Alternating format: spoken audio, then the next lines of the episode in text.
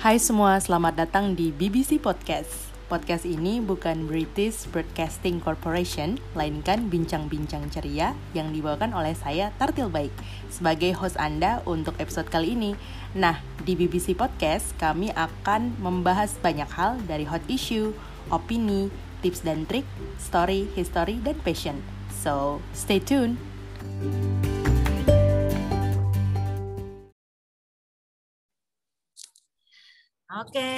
Selamat malam teman-teman semua. Kembali lagi di bincang-bincang ceria setelah setelah berapa lama, Tio? Kayaknya ada ada, setahun kali ya. Iya, setahun ada setahun sih, sih kayaknya setahun. setahun.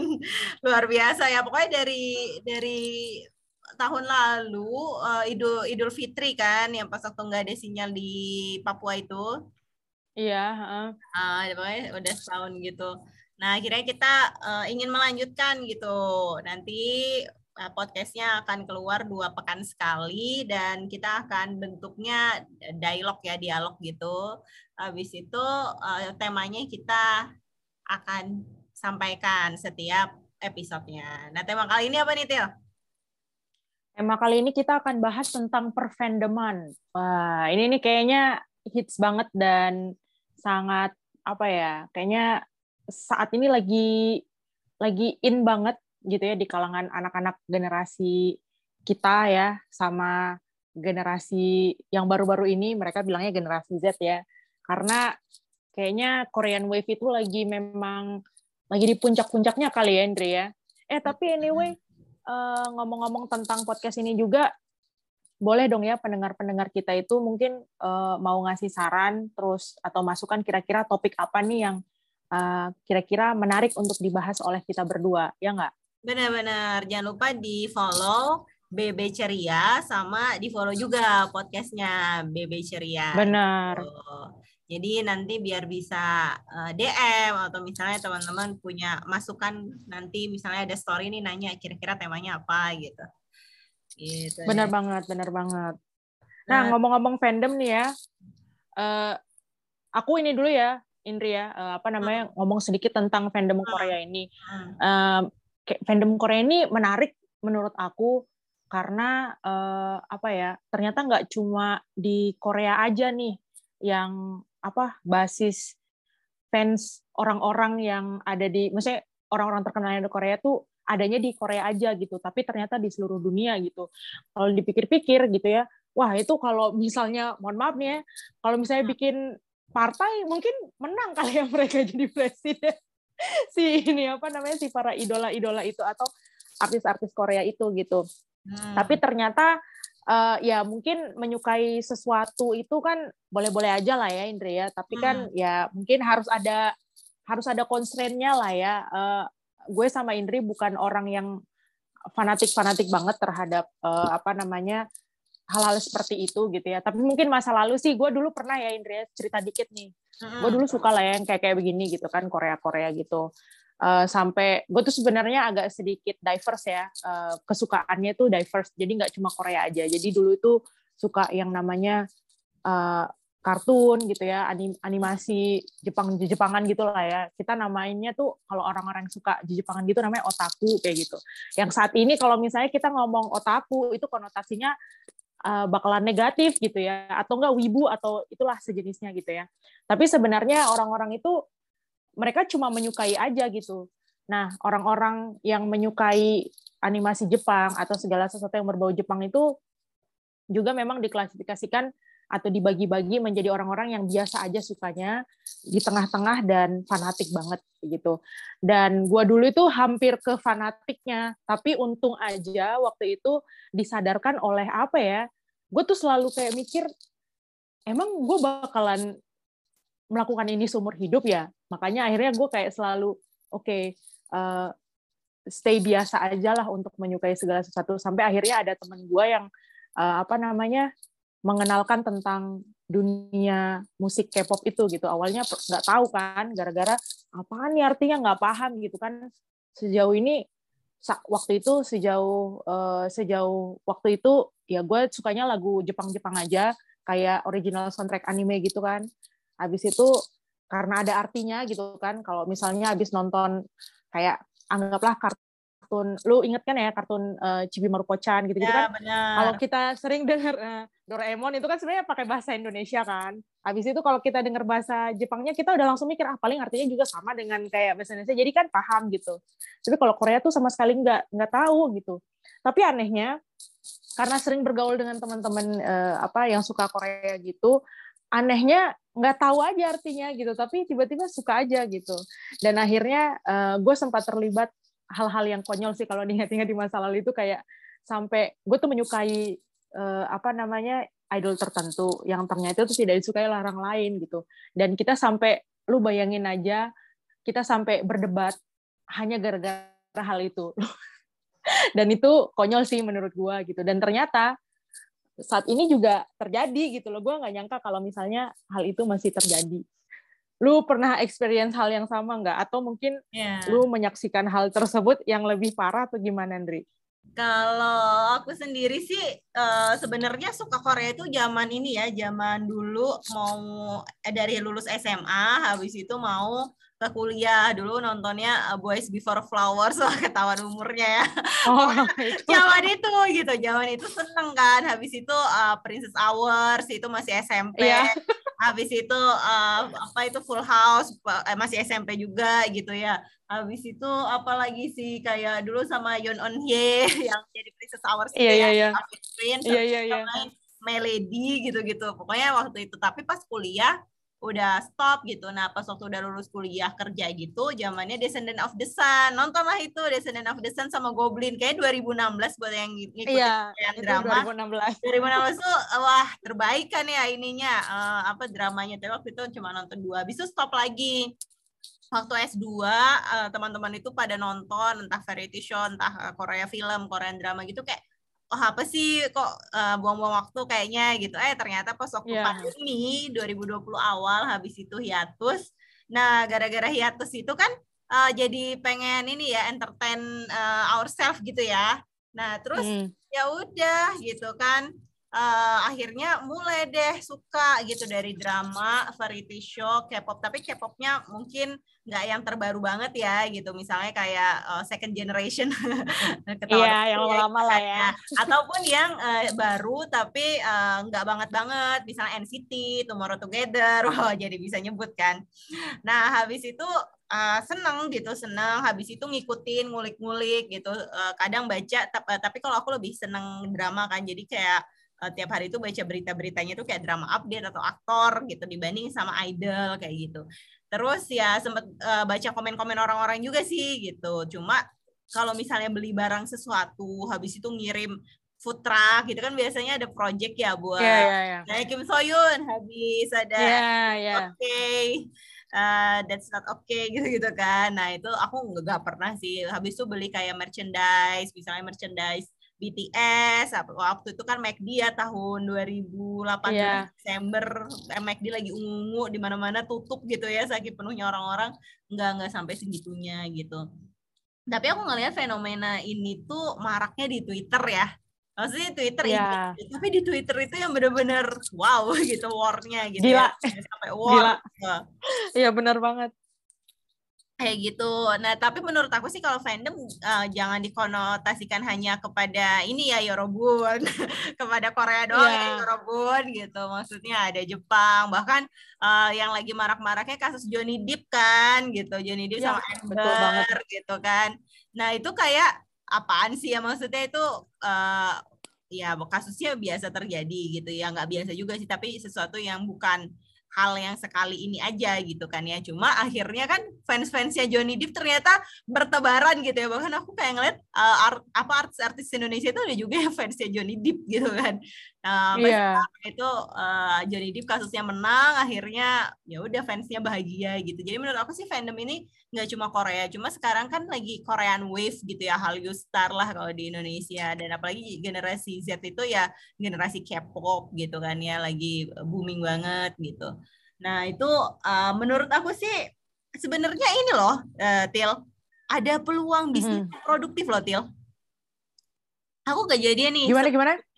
Uh, jadi peluang bisnis yang produktif. Kan kadang kita nganggap yeah. fandom itu sesuatu yang nggak produktif ya.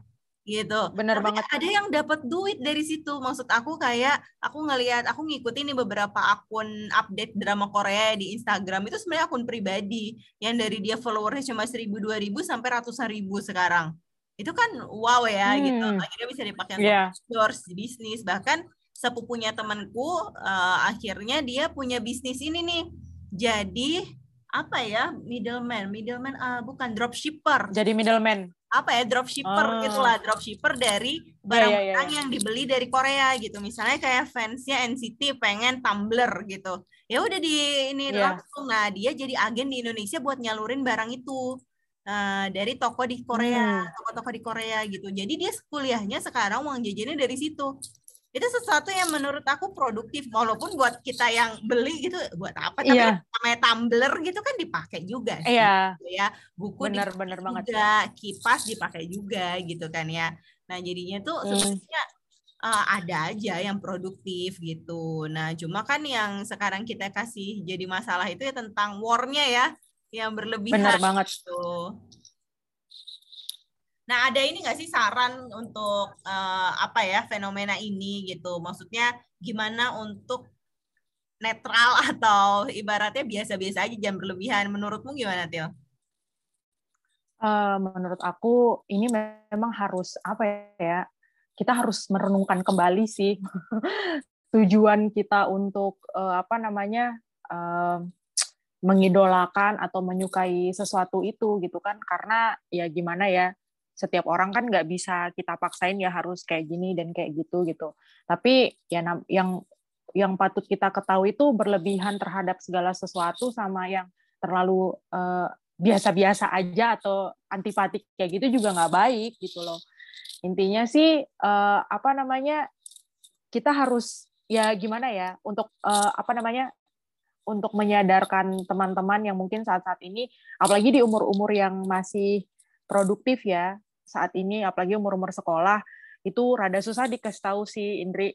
Jadi gue dulu sih kebetulan orang tua memang nggak terlalu banyak intervensi ya untuk masalah hal seperti itu karena mereka udah kayak uh, put trust on me waktu itu jadi kayak oke okay, yang penting gue belajarnya lancar terus tugasnya nggak kelabakan dan seterusnya dan surprisingly uh, kalau ngelihat anak-anak yang suka K-pop atau hal-hal seperti itu mereka tuh luar biasa pinter di gitu maksudnya gue kayak ngelihat fenomena yang kayak wow mereka itu kayak bener-bener take responsibility to the top kalau gue ngelihat. Mereka nggak cuma kayak meninggalkan uh, apa namanya karena ya terbukti orang-orang yang gue lihat orang-orang yang suka K-pop dan seterusnya itu yang ngefans apa pun itu gitu ya entah itu uh, apa namanya suka-suka Korea atau di Jepangan atau hal-hal lain di luar itu mereka ternyata take responsibility to the top dengan apa pun yang mereka jalani. Jadi mereka tuh bukan orang yang kayak wasted gitu loh. Orang yang hanya kayak ya udah gue suka ini aja dan abis itu nggak bertanggung jawab gitu. Tapi memang uh, loyalty mereka itu malah datang ke eh da, saat saat apa ya idola mereka mungkin dicaci maki dan seterusnya dan mereka bisa ya sampai membuka aib orang lain gitu ya di sosial media di Twitter tadi yang uh, Indri sampaikan gitu yang sampai mungkin kalau kita yang baca tuh kayak wow menarik ya gitu. Padahal apakah harus sampai seperti ini gitu kan? Jadi ya uh, gimana ya? Mungkin harus cari teman-teman yang memang punya insight lain ya selain uh, apa namanya teman-teman di dalam fandom sendiri kayak gitu. Karena semakin apa ya semakin kita berteman dengan orang yang menyukai hal yang sama itu kayaknya kesukaannya semakin kuat kayak gitu. Ngomong-ngomong tentang peluang bisnis tuh uh, yang tadi Indri sampaikan tuh bener banget loh. Dan dulu gue sempat pas waktu ngunjungin teman di Korea dia tuh sempat uh, kerja sambilan. Itu tuh untuk ngepacking barang-barang itu. Jadi uh, kosannya temannya dia itu kayak jadi warehouse gitu. Jadi dia yang kayak middleman buat orang-orang yang ya itulah orang-orang akun-akun fandom yang ada di Indonesia untuk dikirimkan uh, pernak-pernik atau merchandise-nya idola-idola mereka. NCT paling banyak sih yang gue waktu itu packing. Gue bantu juga gue bilang waduh ini dikirimin ke Indonesia semua. Gue bilang gitu. Iya katanya gitu. Wah dan untungnya gede banget sih. Dan ya seperti yang tadi Indri sampaikan uang itu jadi uang hidup mereka untuk biaya hidup mereka kayak gitu is good sih menurut gue ya. Tapi di luar dari itu kayak misalnya uh, fan war itu yang kayak agak berbahaya ya. Karena uh, apa ya sampai kayaknya bukan kayaknya lagi sih gue tuh pernah dapat cerita dari teman gue itu tuh bisa sampai ngerusak psikologi dari uh, idola yang mereka yang yang mereka apa ya ya idolakan kayak gitu loh. Anggaplah misalnya nih misalnya nih yang gue baru yang gue baru um, yang gue baru lihat di Twitter ya itu tuh fansnya siapa ya? Gue nih suka Blackpink nih ya. Tapi gue di bawahnya lihat tuh oh ternyata di setiap Blackpink itu fansnya sendiri-sendiri gitu. Gue dulu tuh mikirnya kayak oh ya udah satu kesatuan aja gitu. Walaupun memang sebenarnya setiap orang tuh ya punya hak untuk menyukai setiap individu gitu kan. Jadi ternyata fans setiap member itu mereka bersiteru mereka lagi berkelahi gitu ya. Berkelahinya juga wow parah sih. Sampai itu akhirnya uh, ngebuat idolanya tuh jadi merasa gimana ya uneasy gitu loh jadi ngerasa nggak enakan kalau misalnya mereka pas waktu tampil di depan umum dan uh, apa namanya yang disorakin atau yang ternyata terkenal di sosial media adalah satu dibandingkan yang lain gitu. Mungkin mereka mungkin si orangnya mungkin biasa aja gitu ya, tapi kita nggak tahu di backstage mereka seperti apa gitu. Jadi uh, menurut aku sih kalau misalnya mau fan war, coba kita pikirkan dua kali deh itu dampaknya seperti apa, bukan kepada kita juga gitu ya, tetapi pada orang yang kita idolakan itu gitu karena ya secara nggak langsung sebenarnya sih itu bakalan ngehancurin hidup mereka ya baik itu ah. lebih lebih secara mental sih dan akhirnya kan mereka ya mungkin banyak yang keluar dari grup mereka atau melakukan apa ya mungkin mereka merasa superior dan akhirnya membuli yang lain kayak gitu kan jadi ah. Apa ya jadi buruk gitu loh dampaknya ke idola mereka Iya, kayak gitu. Kalau dari mm, di Indonesia kan ini ya ada idol di Takarang nih Secret Number tau nggak? Nah ya, yeah, yes, I ah, know. Uh, itu kan akhirnya um, muncul ya, dan maksudnya dia juga jadi sering uh, jadi material marketing dari agensi gitu ya, karena tahu Indonesia kan pasarnya K-pop banget gitu. Nah waktu itu, uh, nah kakaknya di Takarang itu temannya temanku gitu, terus akhirnya uh, waktu itu ya kakaknya di Takarang itu emosi lah karena waktu itu banyak netizen Indonesia yang bilang di Takarang itu disuruh diet gitu. Supaya lebih kurus lagi gitu. Kan udah kurus ya. Kurang apa lagi sih? Maksudnya kayak uh, kakaknya akhirnya ya emosi gitu. Maksudnya netizen itu nggak tahu uh, susah payahnya bla bla bla gitu lah. Terus juga nggak cuma K-pop ya aku ngikutin lagi ngikutin olahraga banget nih Til tahu kan aku suka banget oh, badminton yeah.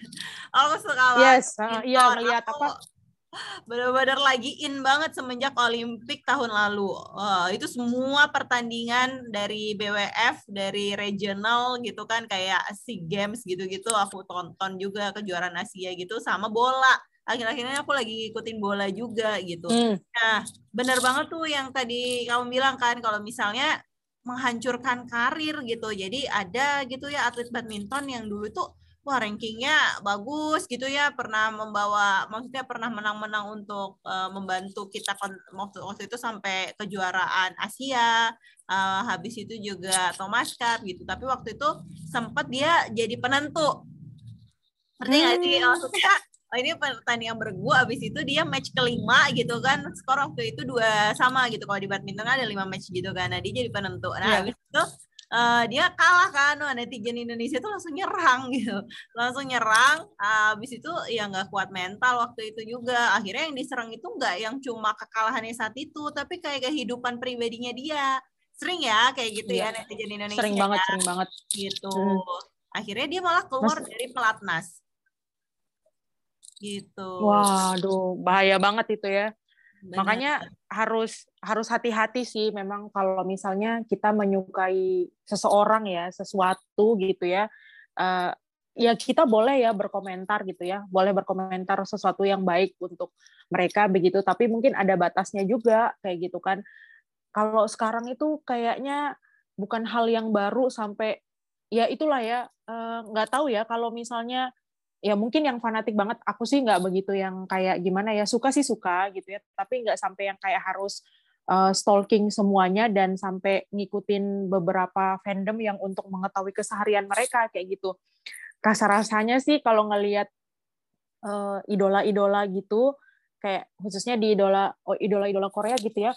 Wah, mereka sampai tahu ya uh, apa detail-detail kapan si idolanya berangkat di hotel mana sampai mana dan maksudnya harga klosetnya tuh berapa gitu loh. Itu sampai kayak wow, mind blowing banget ya walaupun memang sebenarnya kalau apa namanya harga kloset mah gampang-gampang aja dicari ya karena itu kan uh, mereka tampil di depan umum gitu ya. Tapi maksudnya sampai segitunya kayak gitu. Dan akhirnya itu kayak bukannya menurutku sih itu bukannya mengganggu privasi orang tersebut ya kayak gitu. Dan gue membandingkan dengan kalau misalnya Eh, orang-orang yang menyukai mungkin artis-artis barat dan atau figur-figur barat kayak gitu ya apakah mereka melakukan hal yang seperti itu juga gitu. Karena mungkin sering terekspos dengan eh, hal-hal yang Korea-Korea gitu ya atau Jepangan kayak gitu mungkin aku ngiranya itu cuma ada di ini aja gitu. Ternyata memang ada di apa namanya ada di ini ya di seluruh dunia gitu loh yang kayak Indri sampaikan tadi bahkan di persepak bolaan, olahraga ya, badminton juga gitu. Sampai ada juga kan yang sampai apa namanya? Mungkin gara-gara pandangan dari fansnya, mereka itu kena sakit mental. Terus akhirnya mereka harus didiagnosa apa begitu dan akhirnya minum obat terus-menerus cuma gara-gara uh, mungkin bukan fansnya gitu, tetapi yang fan war itu ya anti fansnya itu yang mungkin draw some I don't know shitty comments to them dan akhirnya mereka merasa uneasy to their life akhirnya ya udah uh, mental breakdown kayak gitu. Dan tidak apa ya tidak produktif akhirnya. Dia tidak produktif dia malah jadi lebih apa ya ya fokus sama uh, penyembuhan dirinya yang itu ke trigger dengan komentar-komentar yang tidak baik. Ya itu ya yang masalah di Takarang juga itu ini sih aku aku pernah baca sih dan itu menyedihkan banget gitu ya karena uh, apa namanya ya tahulah ya dunia apa namanya entertainment kayak begitu mereka tetap juga apa ya gimana supaya orang-orang itu bisa tetap attracted sama produk mereka. Ya apalagi di Korea mungkin visual itu yang utama kayak begitu. Makanya pas waktu pertama kali jujur aku sebagai orang Indonesia juga pas waktu tahu oh ada orang Indonesia yang join girl group itu jujur senang gitu ya karena wow akhirnya Indonesia is getting recognized gitu kan. Uh, tapi pas ngelihat uh, maksudnya di di mata kita tuh kita ngelihat di Takarang itu kayak itu udah fit in banget dengan apa namanya model kita orang Indonesia dia sehat dia udah cukup, cukup sorry cukup lumayan langsing ya Indri ya maksudnya nggak nggak yang gimana-gimana gitu. Tapi ngelihat komentar-komentarnya di bawah, oh udah diduga nih. Maksudnya komentar-komentar YouTube lah, Instagram apa orang-orang langsung kayak ya kenapa sih disuruh kurus? Maksudnya ini di Indonesia udah standar paling bagus nih si Dita gitu kan. Kasihan banget parah. Wajar sih kalau misalnya kakaknya marah ya karena ya gimana lagi dong dipikirnya gampang apa maksudnya? Ya, untuk jadi idol nari terus dipaksa untuk kurus. Ya parah sih itu orang-orang. Jadi aku pernah nih baca ya tentang Apriani Rahayu sama Gracia Poli habis menang Olimpik ya. ah, ya. Itu yes. juga uh, ya merasa jadi idola Indonesia juga kan. Terus ya udah aku iseng gitu kayak scroll berapa komen di bawah postingan itu kan. Nah, terus ada postingan yang kayak gini dia ngomongnya, "Mohon maaf ya Kak ya, bukan maksudnya uh, bukan maksudnya tosik gitu.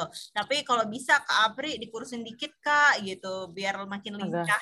Nah, habis itu di bawah-bawahnya itu komen netizen lain gitu lah minta maaf duluan uh, apa bilang uh, maaf kalau toksik gitu kan. Eh, dia bilang Ma mohon maaf ya kak bukan maksud toksik gitu dia ngomong gitu. Minta maaf bukan maksud toksik dia nggak nyadar apa itu kan komennya toksik loh terus akhirnya banyak yang menyalahkan si netizen ini gitu. Maksud hmm. apa sih apa sih orang-orang ini sebenarnya paham gitu kan tentang bagaimana seharusnya memakai media secara benar. Cuma ya tadi ya kadang itu kita nggak bisa menjaga jempol kita gitu mungkin betul, aslinya betul, betul, betul, betul. gitu kan Iya iya iya iya. Uh, pribadi sering nggak sih komen-komen kayak gitu? Til, kalau aku sih di IG enggak ya, tapi aku pakai di YouTube sih, gitu.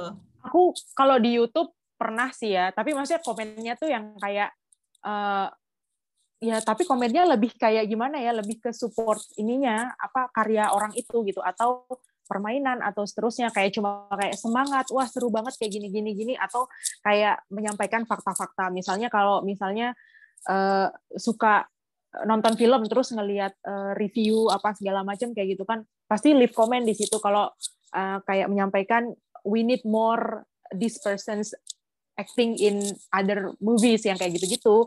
Tapi untuk lebih yang kayak komentar untuk orang wah suaranya kayak gini dia kayak begini dan sebenarnya itu tuh nggak pernah ya Indri ya. Karena apa?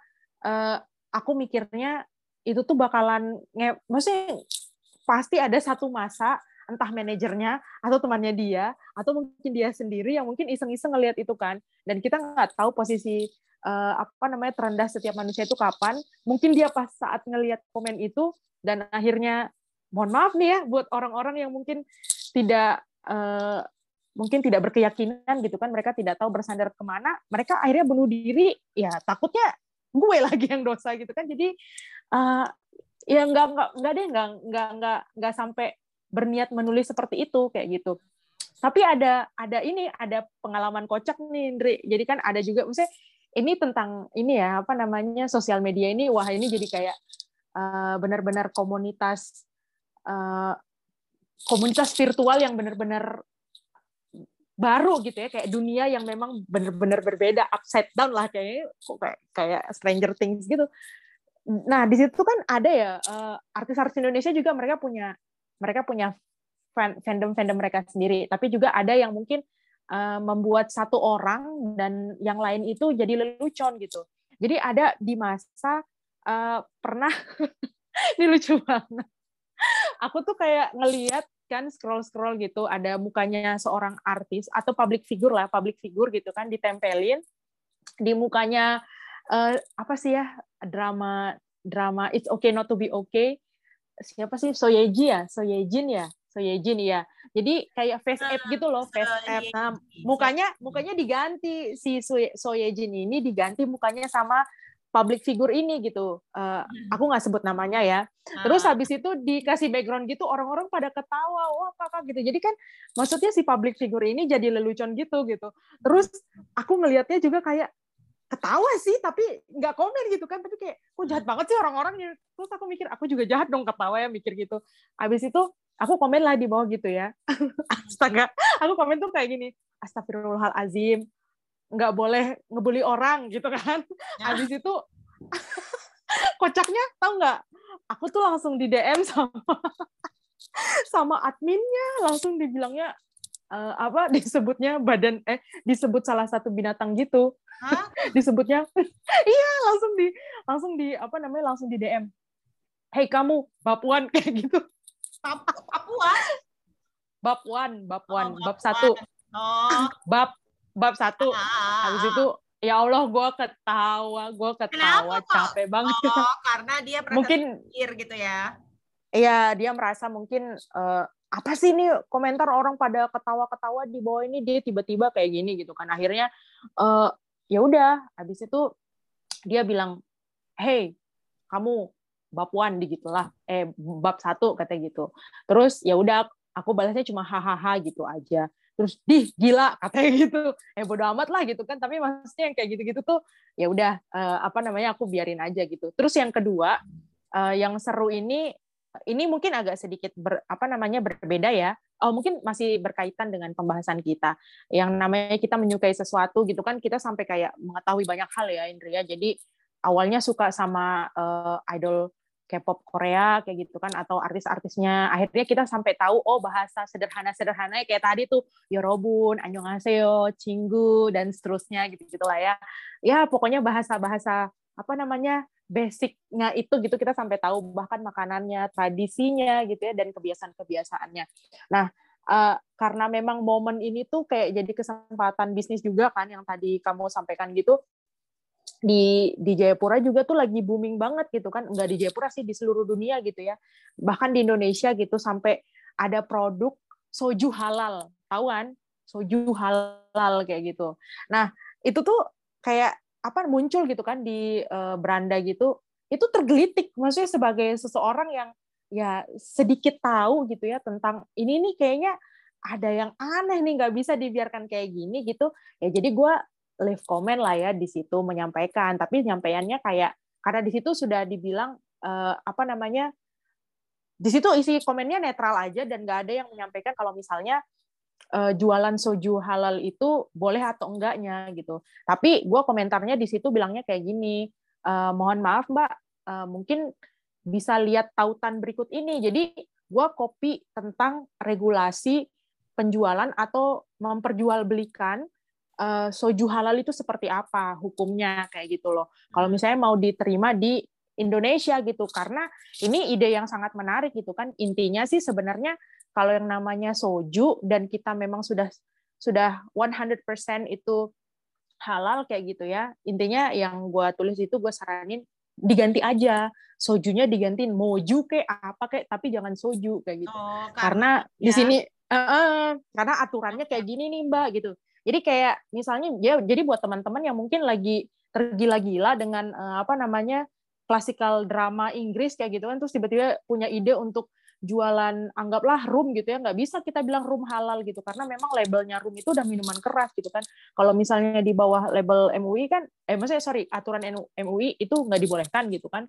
Jadi ya ya cari nama lain lah seperti itu ya. Kalau misalnya kita memang sudah uh, 100% uh, make sure kalau produk kita itu halal gitu. Wah itu langsung yang apa replay komen gue tuh banyak banget. Ada yang bilang kayak gini akhirnya ada yang ngomong ini juga gue mau ngomong kayak gini tapi agak berani gitu kan. Sering dibawa mbak ini yang gue mau ngomongin dari tadi ini gue tambahin ya tautannya tolong dibaca. Tapi memang ada juga yang memang komentarnya agak salty gitu ya. Sama uh, ya maksudnya gue mencoba untuk berkomentar senetral mungkin gitu kan. Tapi ada juga di bawah itu memang komentarnya agak salty mengenai produk tersebut kayak gitu.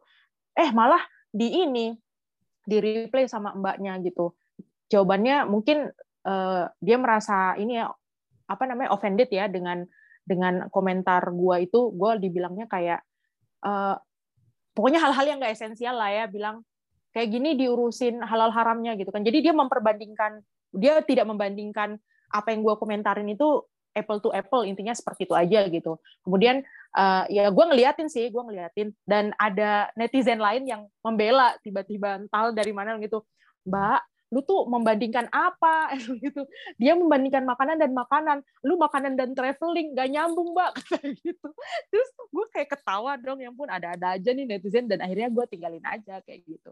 Uh, sejauh ini dua pengalaman itu yang gue alami pas waktu berkomentar uh, mengenai ini ya sesuatu ya tapi nggak ada yang menurut gue yang kayak misalnya komentar gini ih jelek banget ih itu banget kayak gitu-gitu nggak. Karena menurut gue nggak bisa lah kita melakukan hal kayak gitu ya. Walaupun sebenarnya orang lain tuh melakukan hal itu gitu. Tapi ya nggak bisa dong kita ngikutin apa namanya uh, orang lain juga yang melakukan hal yang sama kayak gitu. Ini karena kita waktunya terbatas nih tinggal semenit lagi nih. Uh, mungkin kita dari dialog kita walaupun mungkin tadi agak ke mana-mana ya teman-teman maksudnya buat para pendengar kita uh, berusaha recapnya gini. Yang pertama fenomena fandom ini memang banyak terjadi gitu. Nggak cuma di Korea ya bisa juga ke atlet bisa juga apalagi Benar. ini kayak Sungai Ar di Bern Swiss tiba-tiba banyak review negatif dari netizen Indonesia gitu. Padahal tanpa mereka pernah ke sana misalnya gitu kan ya. Itu kan sesuatu yang Benar banget. juga gitu. Jadi jangan sampai kita unfair gitu. Terus yang kedua juga masalah fandom ini bisa kita ambil sebagai dua sisi mata uang gitu. Yang pertama adalah yang biasa aja dan mengambil peluang ini sebagai bisnis atau produk bisnis lain gitu kan ya. Terus yang ketiga maksudnya yang kelemahannya itu adalah ya bisa juga dijadikan uh, ajang ibaratnya mungkin dia orangnya introvert kalau ketemu orang misalnya uh, tertutup tapi jari-jarinya itu sangat lincah gitu ya merasa benar banget kita nggak tahu ya di balik layar dia seperti apa dunia maya lebih lebih enak gitu ya untuk mengungkapkan pendapat ya tadi kita nggak tahu kan Nah, yang ketiga tadi kelemahannya adalah jangan sampai juga jari-jari kita uh, menjadi dosa gitu ya. Kita nggak tahu kan dosa kita. Benar banget. Gitu kan ya uh, jangan sampai juga kita menjadi penyebab walaupun mungkin secara tidak langsung gitu ya kayak oh be aja kali orangnya baperan gitu kan ya ya maksudnya yeah, bener banget. kita melihat dalam kacamata orang lain atau memakai sepatu orang lain gitu kalau kita ada di posisi mereka gimana sih perasaannya kayak gitu Nah, jadi exactly. lebih empati simpatinya gitu ya ditingkatkan gitu. Kita nggak mau juga kan tiba-tiba ada di posisi itu gitu, nggak enak gitu. Terus yang keempat juga fenomena fandom ini juga sebenarnya ya kalau kalau misalnya ingin melatih kemampuan research ya, uh, ngulik-ngulik ya, gitu. Beritanya itu harus dari sumber yang valid gitu. Terus sebenarnya percaya. Uh, sebenarnya melatih gitu. Maksudnya kalau aku tipe orang yang suka ngulik-ngulik. Misalnya aku lagi suka nih variety show uh, Six Sense gitu. Aku semingguan ini lagi nonton Six Sense, Jessie. Hmm. Habis itu uh, apa uh, short interviewnya Jessie gitu-gitu kan. Habis itu saya lagi-lagi ngikutin Lee Sang Yok gitu kan lucu-lucu gitu Six Sense kan. Uh. Nah, akhirnya yeah, yeah, yeah gitu tapi ya dalam kadar sewajarnya gitu jangan yang benar-benar uh, 12 jam sehari benar-benar ngulik-ngulik gitu kan tuh berlebihan juga gitu kan ya terus kayak akhirnya uh, apa ya info-info yang nggak penting dan kita membaca war atau perjibahan orang juga itu kan nggak nggak baik juga ya gitu. Jadi ya sewajarnya aja gitu. Tapi suka ngulik-ngulik akhirnya ada knowledge. Sebenarnya kan kayak gitu ya ada uh, ilmu yang bisa kita dapat juga. Misalnya kayak kalau nonton variety show sih masak ya karena suka masak yeah. suka makan gitu ya. Kayak ngelihat oh bener ada ini. Oh ternyata itu di sana itu mereka um, dalam jamuan Cina aja itu mereka kokinya itu banyak gitu kan kayak yang ada spesialis pangsit spesialis uh, ibaratnya plating dan lain-lain misalnya tapi ya gitu diambil aja yang baik-baik terus yang terakhir sih uh, sebenarnya kan netizen Indonesia itu merepresentasikan Indonesia ya kalau kita lihat dengan pengguna Benar banget internet gitu sosial ya. Sosial media. Sosial media di dunia Indonesia itu masuk five, uh, maksudnya lima besar gitu kan ya. Nah dengan adanya citra netizen Indonesia ini juga uh, buruk di mata orang lain gitu. Misalnya kayak badminton lover nih Indonesia kebanyakan badminton lovernya kan suka nyerang atlet-atlet luar gitu kan ya pakai bahasa Indonesia tapi kan sebenarnya zaman sekarang kan semua bisa ditranslatekan ya kayak gitu ataupun yang tadi review Sungai Ar di Bern padahal nggak pernah ke sana gitu intinya sih jadi orang-orang jadi kayak apaan sih ini orang-orang Indonesia? Orang-orangnya seperti itu ya. Padahal kan kalau datang ke Indonesia langsung kan orang-orang Indonesia itu ramah tamah mau membantu uh, dibilang baik-baik. baik-baik. Nah jangan hmm. sampai uh, ibaratnya orang jadi memutuskan oh daripada ke Indonesia netizennya kayak gitu ya udahlah kita lompatin aja jadi ke Australia gitu kan. Orang dari Eropa uh. lebih dekat ke Indonesia. Artinya pemasukan turis atau pariwisata gitu-gitu kan jadi menurun juga. Jadi lebih pemikirannya lebih diperluas dan komprehensif aja. Gitu kali ya Til ya. Mungkin ada yang ditambahin nggak dari kamu? Sebenarnya kalau dari aku nggak ada sih, lebih ke Indri aja nih. Tadi kan uh, kalau saran dari aku supaya stay low or stay on the ground untuk menyukai segala sesuatu itu gimana? Kalau dari kamu gimana nih tips dan ya tips supaya kita tuh ya udah biasa aja menyukai segala sesuatu, tapi kita tetap uh, apa namanya kalau misalnya ditanyain kita juga oh I know that kayak gitu. Gimana nih Indri? Kalau aku sih emang cepat bosan ya orangnya. Jadi kadang aku pernah kalau ketika zaman kuliah di Melbourne aku suka nontonnya tanya aja sama hostmate di Franklin Street gitu ya. Aku nontonnya apa geng Halilintar. Atau Halilintar ada salah satunya nonton. Uh. Tapi habis itu sekarang udah nggak pernah lagi nonton channel itu gitu kayak apa sih gitu ya. Maksudnya bukan apa sih channelnya gitu tapi uh emang udah nggak interest gitu. Sama kayak uh, kemarin itu kayak nontonin apa gitu ya di Korea uh, oh ini apa Knowing Brothers gitu sempat tuh nontonin banget. Habis itu udah nggak lagi gitu.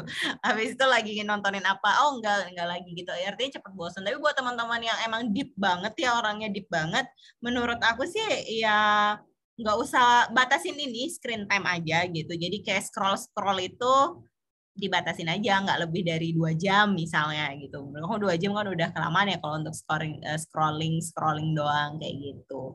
Gitu sih mungkin kalau dari kamu ada tips yang lain nggak, Til? Sejauh ini sih nggak ada ya. Uh, mungkin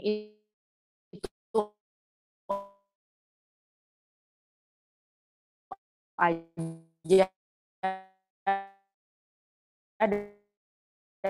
Dari aku coba perluas pergaulan gitu ya dengan orang-orang yang mungkin punya insight yang lain gitu supaya kalian mungkin punya referensi untuk menyukai segala sesuatu itu yang lain gitu. Jadi uh, apa namanya sukanya kalian itu pada tempat yang benar. Intinya seperti itu sih. Nggak gimana gimana Yendri itu aja sih Oke, jadi teman-teman uh, sekali lagi bincang-bincang ceria akan kembali aktif. Doakan kita bisa konsisten juga dan jangan lupa kasih masukan topik apa yang menurut kalian menarik. Nanti kita akan uh, post di IG Story BB Ceria untuk minta pendapat kalian semua. Gitu deh. Oke. Okay. Terima kasih buat teman-teman yang udah mendengarkan. Terima kasih. Kalian berada, semoga berada dalam kesehatan dan Uh, semoga tetap aktif dan kontributif. Bye bye semua. Selamat Bye. Sampai ketemu di episode berikutnya. Ya.